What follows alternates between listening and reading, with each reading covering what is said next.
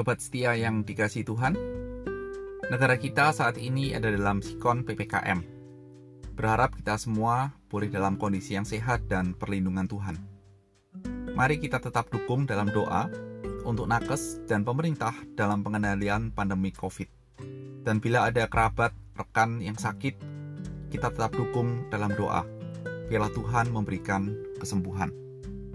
Hari ini, kita kembali merenungkan Lukas 24 ayat 44 sampai dengan 49. Dan kita akan memberikan saya akan memberikan sebuah tema bacalah Alkitabmu.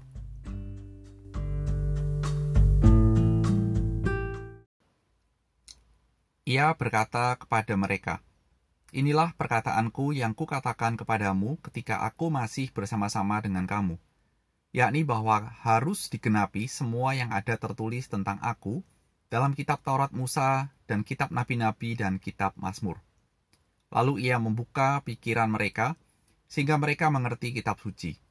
Katanya kepada mereka, ada tertulis demikian, Mesias harus menderita dan bangkit dari antara orang mati pada hari yang ketiga.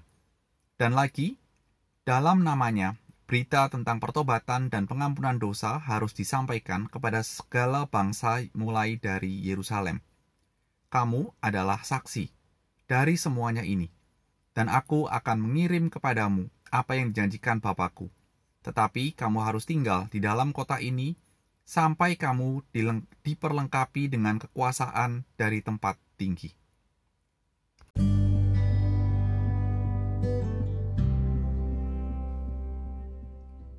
Mari kita berdoa.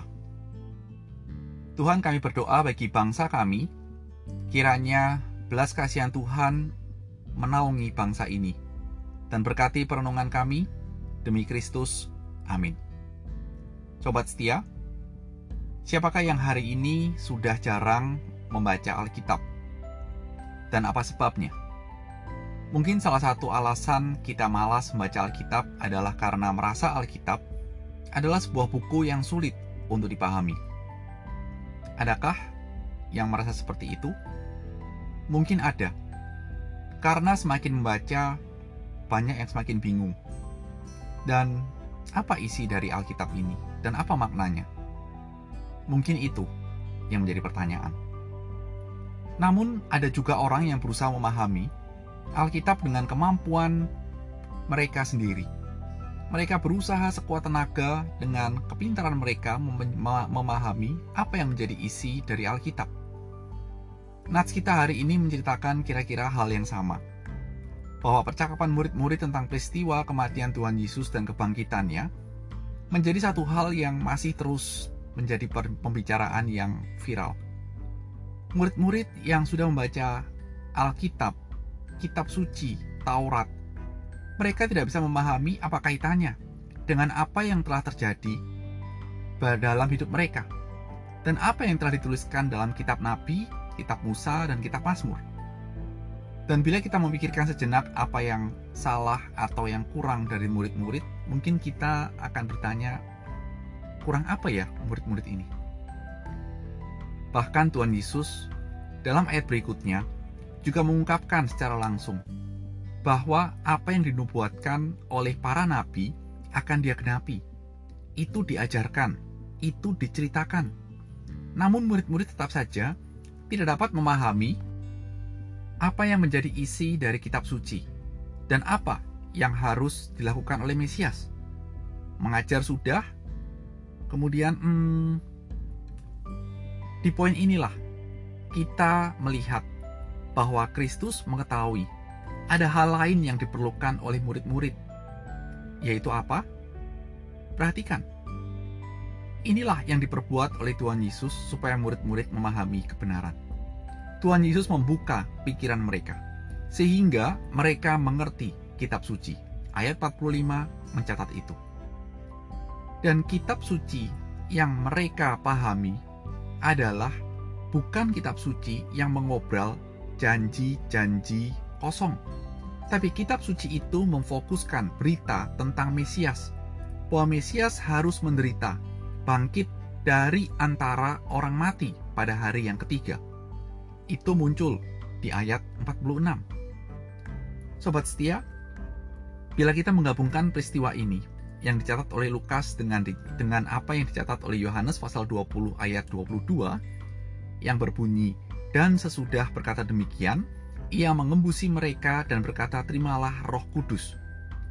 Maka dalam peristiwa ini bila digabungkan Tuhan Yesus membuka pikiran mereka dengan memberikan Roh Kudus dalam hidup mereka. Dan di situlah mereka memahami kitab suci.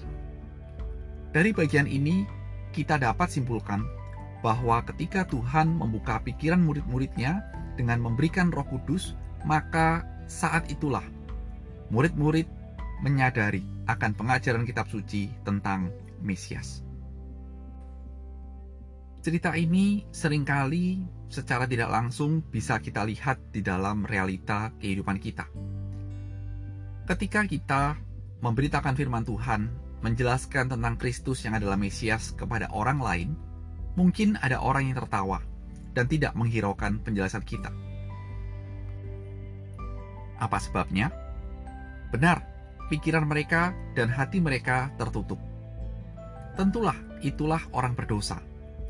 Pikiran dan hati mereka tertutup akan Injil. Sehingga orang-orang seperti itulah yang perlu Roh Kudus membuka hati mereka untuk memahami dan mengenal kebenaran firman Tuhan, supaya mereka mengenal Kristus. Dan itulah dulu juga kehidupan kita sebelum bertobat. Pikiran dan hati kita tertutup, dan ketika Roh Kudus membuka hati dan pikiran kita, kita baru sadar bahwa kita memerlukan Mesias. Dan di situlah kita menerima Kristus sebagai Tuhan dan Juru Selamat kita secara pribadi. Sobat setia, kalau kita kaitkan pada saat ini dengan kehidupan kita, maka ketika kita membaca Alkitab, sulit bagi kita untuk memahami Alkitab dengan kemampuan kita sendiri. Apa sebab? Kemampuan kita terbatas. Dan bila itu terjadi, maka akibatnya tidak jarang kita akan masuk ke dalam sebuah titik pemahaman bahwa Alkitab sulit dipahami. Ingat, sobat setia, bahwa Alkitab bukanlah buku ilmu pengetahuan. Alkitab adalah buku yang dinafaskan oleh Allah. 2 Timotius 3 ayat 16 mencatat itu.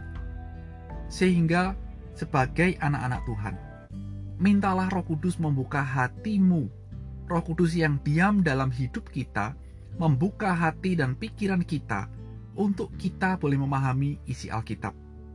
Sehingga ketika kita membaca, kita boleh memahami dan kita menikmati setiap firman yang ada dalam Alkitab. Sehingga kita benar-benar paham dan bisa menghidupi kebenaran itu dan hidup boleh berjalan dalam terang Injil dan bukan berjalan dalam terang yang lain. Sobat setia, selamat memulai membaca Alkitab dan kiranya Roh Kudus menolong kita semua untuk memahami isi dari kitab suci. Tuhan memberkati.